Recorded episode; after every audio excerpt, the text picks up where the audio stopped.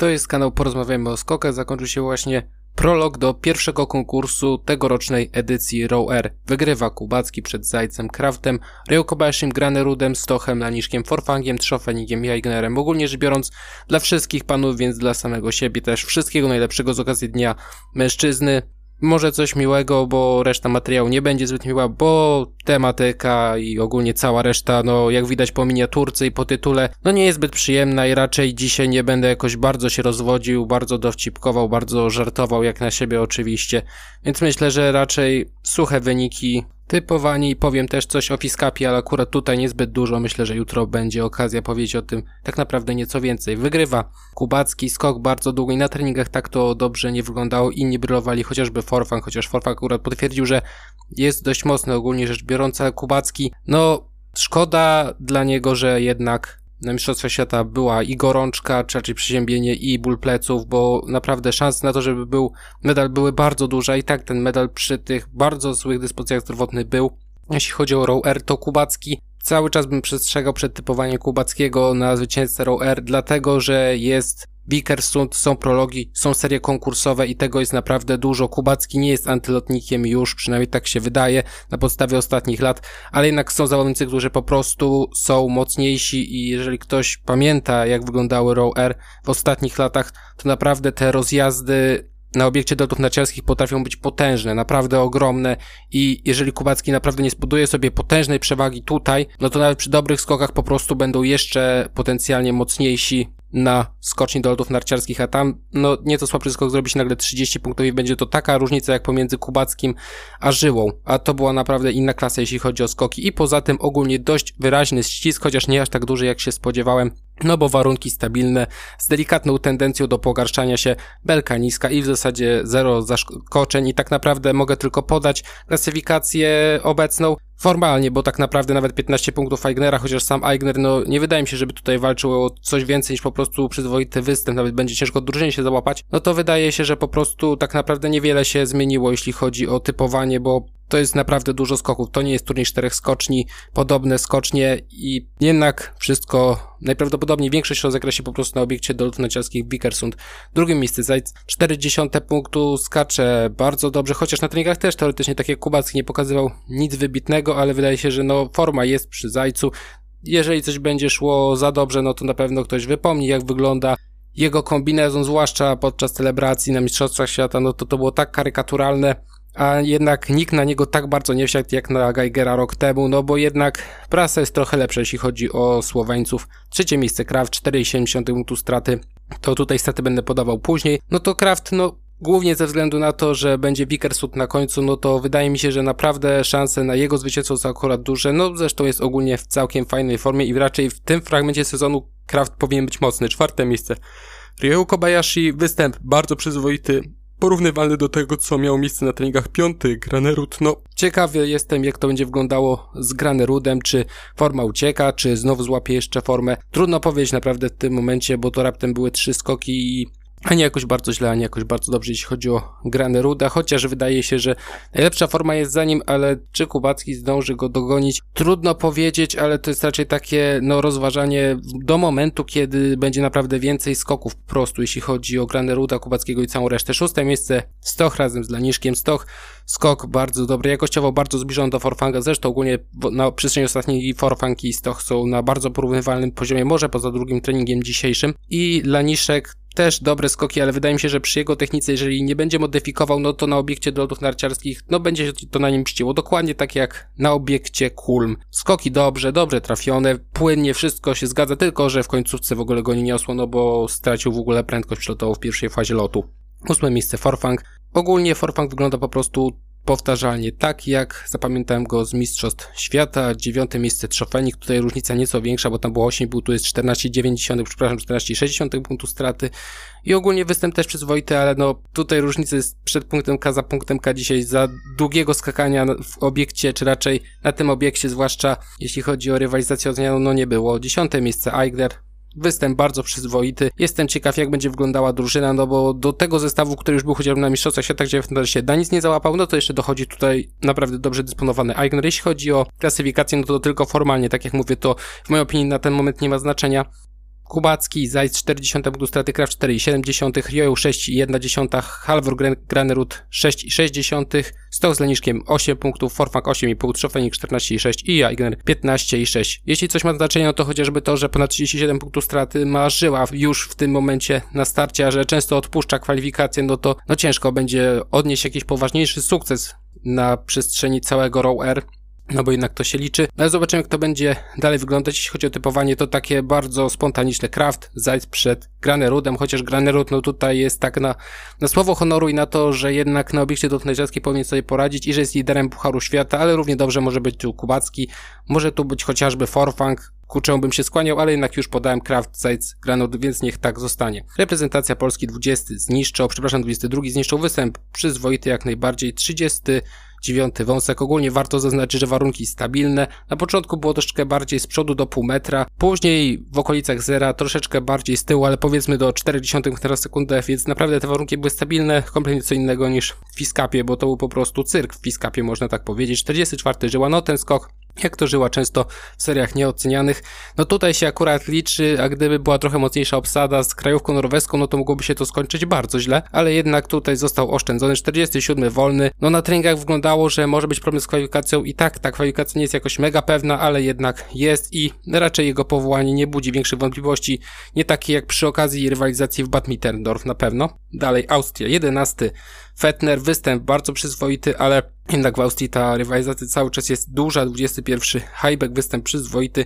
21 Maximilian Steiner, no tutaj rotacja na tym siódmym miejscu jest bardzo, bardzo intensywna. 45 Herl, no, no nie wyszło mocno, no bardzo nie wyszedł mu ten skok, ale jednak no wystarczyło, po prostu wystarczyło i można po prostu przemilczeć i przejść dalej. Dalej, Norwegia, 12 Tande, występ przyzwoity, 15 Lingen, w końcu dostał szansę, chociaż akurat nie w tym momencie, w którym wszyscy się tego spodziewali. Raczej by się spodziewali Östfolda, który wygrał dwa konkursy niedawno, a powinien wygrać cztery, tylko dostał dwie dyskwalifikacje. 30. Christopher Eriksen Sundal, gdyby nie kołowrotek byłby trochę lepiej z notami. 33. Lindwik, no Lindwik mam wrażenie, że ten konkurs drużynowy to jest jakiś odchył od średniej po prostu że jest to zawodnik taki w tym momencie właśnie na drugą, no maksymalnie drugą dziesiątkę, raczej trzecią dziesiątkę. Cały czas ten Lindwik nie może się do końca pozbierać, można tak powiedzieć. I 60. Johansson, tak fajnie na treningach, a tutaj wydaje mi się, że chyba lewe wiązanie było poluzowane przy skoku, że coś takiego się stało trochę jak Stande kilka lat temu na turnieju czterech skoczni, tylko że nie było tego ujęcia za zawodnika, żeby to ładnie zobaczyć, ale przy lądowaniu na pewno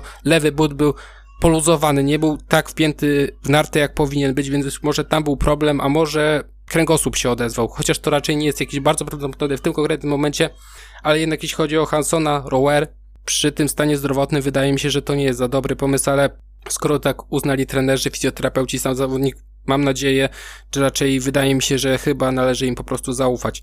Dalej, Słowenia 27, Jelar występ przyzwoity 29, Masle zastępuje Petera Prełca, nie odniósł poważnych obrażeń, ale no został zastąpiony jednak i Masle, szanse po prostu na punkt jak najbardziej są. 32 Kos, lądowanie średnie, jak to często u Kosa bywa. 49 Domen, no bardzo nisko nad bole wyszedł nawet jak na siebie. Udało się po prostu dopchnięty ten awans kolanem bardzo, ale jednak się udało. Dalej Niemcy, wszyscy poza dziesiątką, 13, Geiger, występ przyzwoity, 15, Eisenbichler, to jeden z treningów super, ale no cały czas wydaje się, czy raczej teraz wydaje się, że Niemcy wrócili do poziomu sprzed powiedzmy miesiąca, półtora miesiąca, nawet Wellinger, który już w końcówce Mistrza Świata skakał mocno średnio, to wydaje się, że znów zaczyna skakać po prostu średnio. 19 miejsce Wellingera, 20, Schmidt 24, Liso, występ naprawdę przyzwoity, ale na początku te warunki były jeszcze odrobinkę lepsze, więc też patrzyłbym no delikatnie przez palce na ten występ Liso, 28 Raimund, 41 Laje, no Laje występ taki no mocno średni, bardzo mocno średni. Dalej Japonia, 18 Nikaido, występ no bardzo przyzwoity jak na Nikaido, a reszta no to w zasadzie no może poza jeszcze Yukio Sato, no to no przeszli kwalifikacje, ale trudno coś więcej powiedzieć pozytywnego. No Yukio Sato 37, 40, Keiichi Sato 48, Junshiro, Wydawało się, że nie awansuje, zrobił mu miejsce na Kamura, później jeszcze ktoś zrobił miejsce na Kamurze, który był 50, spóźnił skok. No ale to trochę tak wygląda jak reszta sezonu. Czasem ktoś tam będzie trochę bliżej tego Rioju. Rioju się trochę załapał na drugą część sezonu, jeśli chodzi o formę. Faktycznie jest dużo mocniejszy, ale całościowo jako drużyna no wyraźnie odstają od czołowej piątki. Nawet kiedy Niemcy są pod formą w tym momencie, to i tak w typowaniu nikt nie odważyłby się postawić Japonii wyżej niż na szóstym miejscu. I nawet byłyby wątpliwości przy tej Szwajcarii, która wcale nie jest jakoś bardzo mocna, czy będzie to miejsce szóste, tak jak na Mistrzostwach Świata chociażby. Finlandia z Estonią, 17 Alto. Ogólnie Alto tutaj na treningach bardzo fajnie się prezentował. 25 Keto Sacho, występ przyzwoity. 34 Aigro, jeden trening słaby, drugi no na 30 tutaj takie coś mniej więcej pośredniego. 50, przepraszam, 35 Eto Siainen od dużej skoczni w zasadzie od normalnej skoczni, zwłaszcza dużej skoczni widać, że no Etu w końcu wchodzi na obroty, może nie aż tak dobre, ale jednak na wyższe obroty niż przez resztę sezonu, może nie aż tak dobre jak sezon temu, ale wydaje się, że w końcu Etu wraca do dyspozycji takiej na punktowanie mniej więcej. No i 51 Kalle Heikkinen. Wydaje się, że Pojola po prostu, przepraszam, nie Pojola, tylko Palosari dla niego już sezon jest zwyczajnie za długi. Po prostu już nie daje rady. Podobnie jak Habdas, tak się wydaje. No i w związku z czym pojawił się Heikkinen. Na treningach wyglądał tak, że szanse na przejęcie kwalifikacji jak najbardziej są. Tutaj się nie udało, ale jednak wydaje się, że któreś kwalifikacje po prostu złapie Heikkinen. Dalej, Włosi, 36 Insam, występ przyzwoity, 42 Bresadole. Jeśli chodzi o Bresadole, to czekam na obiekty do lotów narciarskich, bo chyba najlepsza forma jest po prostu za nim. Ewentualnie coś może jeszcze złapać na przednim wietrze, na obiekcie naprawdę dużym, czyli Wicked Backen. Czekam na to, bo wydaje mi się, że rekord Włoch może być tutaj jak najbardziej do poprawienia. No nie wydaje mi się, że jest on w tak dobrej dyspozycji jak na początku sezonu, ale może gdzieś tam uda się właśnie drapnąć rekord Insama 56 Czekon, no występ, no mocno przeciętny, ale ogólnie Włosi no są w odwrocie względem dyspozycji sprzed kilku miesięcy.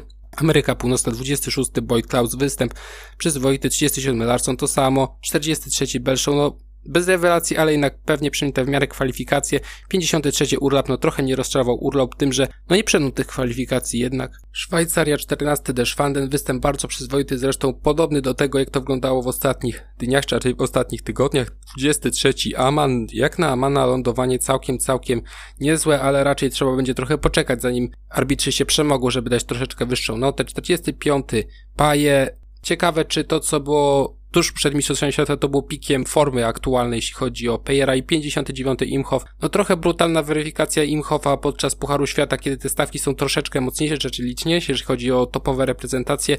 No to Imhoff też na treningach, no wydawało się, że no za wielkich szans na przejęcie kwalifikacji po prostu nie ma. No i jest tylko 59 miejsce. Reszta świata ogólnie poległa, no bo wszyscy poza konkursem głównym, 52 Zograwski, 54 Ipciolu, któremu naprawdę nie szło na tej skoczni. To nie jest jednorazowy przypadek, po prostu wszyscy wszystkie skoki były takie, no, bardzo słabe. 55. Bedir, 57. Kołdelka o Czechach, no z wiadomych względów będzie można powiedzieć nieco więcej. 58. Wasiliew i 61. Muminow występ bardzo słaby, 78 metrów, potężnie spóźniony skok, tak naprawdę bardzo mocno spóźniony i lądowanie takie chyba za bardzo wychylił się do przodu, już musiał się po prostu ratować jakimkolwiek lądowaniem, ale no skok bardzo, bardzo, bardzo słaby. No i przechodzimy tutaj do tematu w zasadzie, no materiału można tak powiedzieć. Dzisiaj oficjalnie Czeski Związek Narciarski poinformował, że Antonin Hayek nie żyje.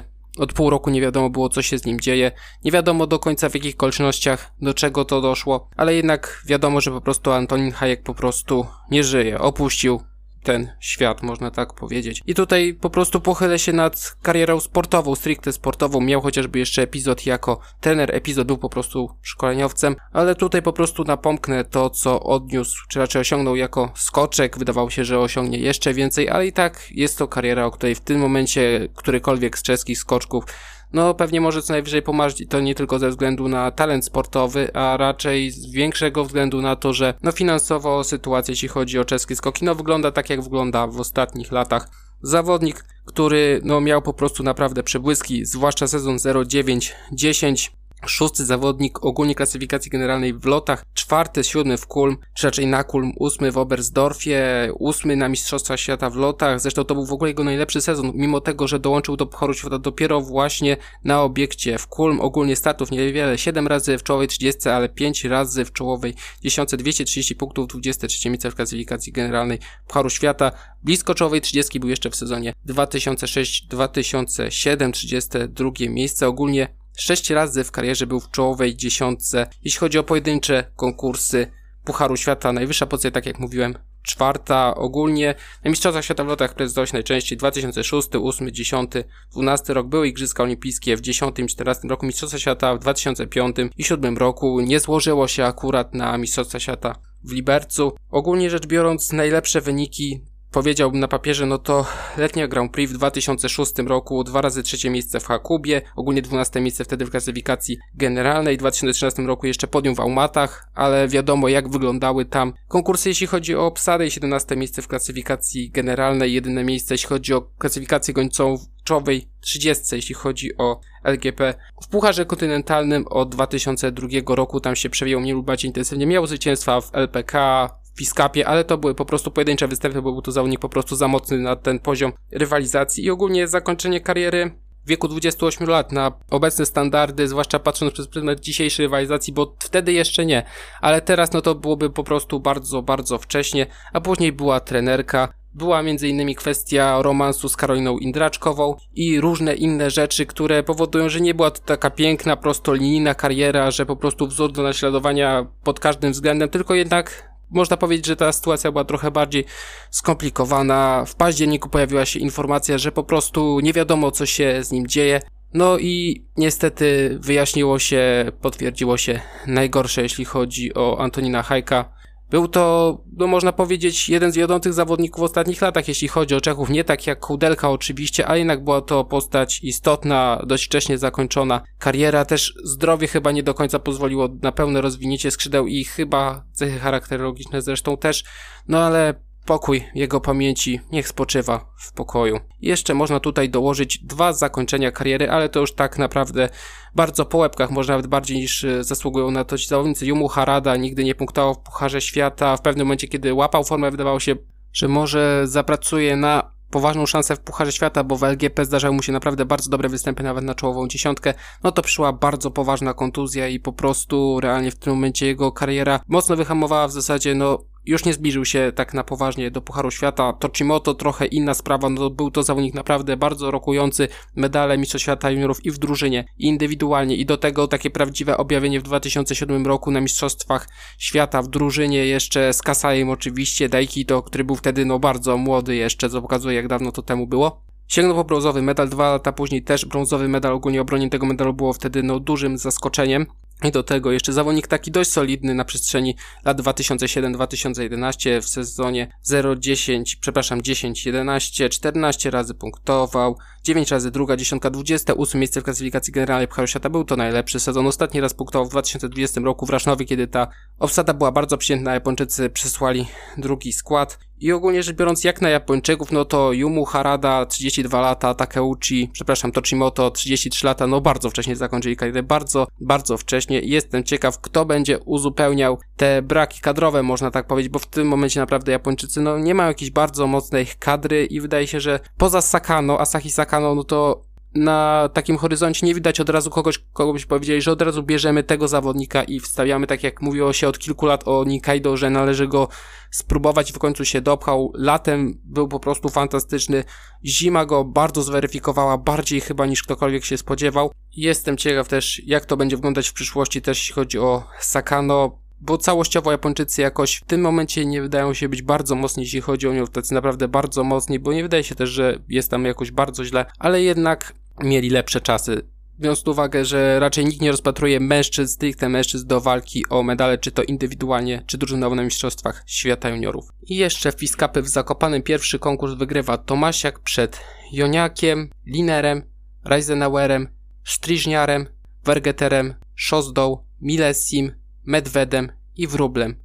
Reszta reprezentacji Polski 17, Niżnik 18, Amilkiewicz 25, Krzak 34, Zapotoczny 35, Szymoniejko i 37, Jan Galica. I ogólnie tylko ten konkurs nadawałby się do jakiegokolwiek omówienia pod względem sportowym. No i wielkie brawa dla Tomasiaka, bo zrobił coś, co ostatni raz zdarzyło się ponad 10 lat temu kiedy to zawodnik z tego najmłodszego rocznika teoretycznie uprawnionego do startowania w Fiskapie wygrał konkurs, a ostatni był Sorin Julian Pitea z Rumunii i wygrał konkurs w Rasznowie słabo obsadzony, ale jednak i ogólnie zawodników jest niewielu, ale te losy naprawdę się porozjeżdżały, bo jest chociażby i Murańka, jest Schlierencauer, jest Maciej Kot, a jest chociażby Mario Inauer, który wygrał pierwszą edycję, jeszcze były to trochę inne czasy, bo juniorzy wtedy zdarzyli dużo więcej, a po prostu został kompletnie wykończony przez kontuzję. Jest chociażby jeszcze reprezentant Norwegii, który mi w tym momencie wleciał z głowy, bo był naprawdę tak anonimowy, a mimo to miał po prostu dublet w Notoden kilkanaście lat temu, co pokazuje, że ten rozstrzał jest naprawdę duży.